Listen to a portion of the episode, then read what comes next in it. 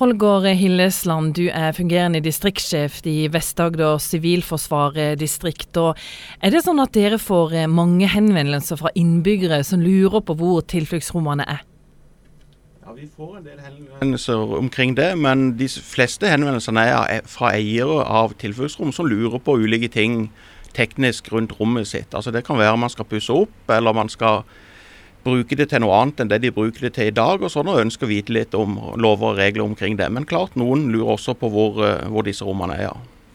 Hvor mange offentlige tilfluktsrom er der i Kristiansand? I Kristiansand så har vi i overkant av 30 rene offentlige tilfluktsrom.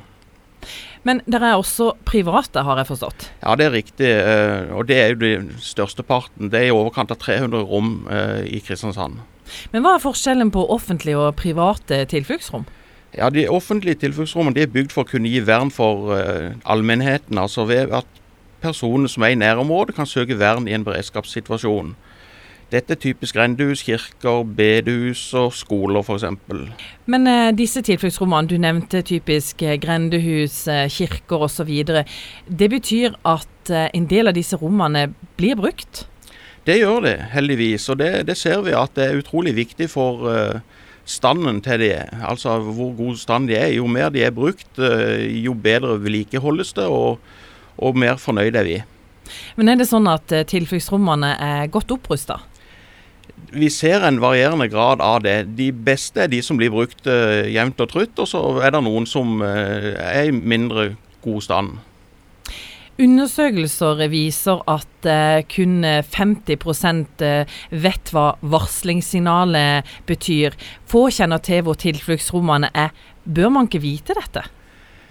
Jo, Når det gjelder varslingssignalene, så er det ett signal som gjelder. og Det er viktig melding lytt på radio. Og Det er det man skal gjøre da, når den går ut. De blir testa to ganger i året.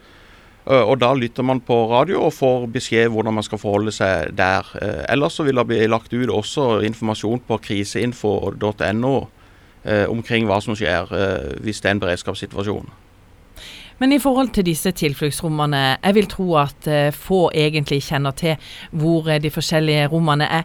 Men det er mulig å finne ut dette på nett, hvor det nærmeste tilfluktsrommene er? Ja, Offentlige tilfluktsrom uh, vil ligge inne på sivilforsvaret.no hvis man går inn der og velger et faneblad som heter uh, tilfluktsrom.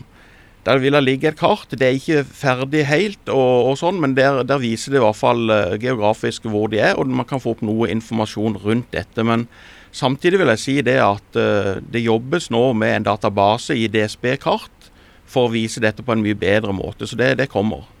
Men tenker du at vi bør gjøre oss kjent med dette? Jeg syns det er veldig lurt å gjøre seg litt kjent med det. De som har private uh, tilfluktsrom, eh, de kjenner jo veldig godt til rommet sitt og, og sånn sett hvem som skal være der. Men, men andre kan godt sette seg inn i dette. De, de vil også være skilta ute på gatenivå, de offentlige rommene. Sånn at uh, når man ser seg rundt, så vil man kunne, kunne finne nærmeste tilfluktsrom.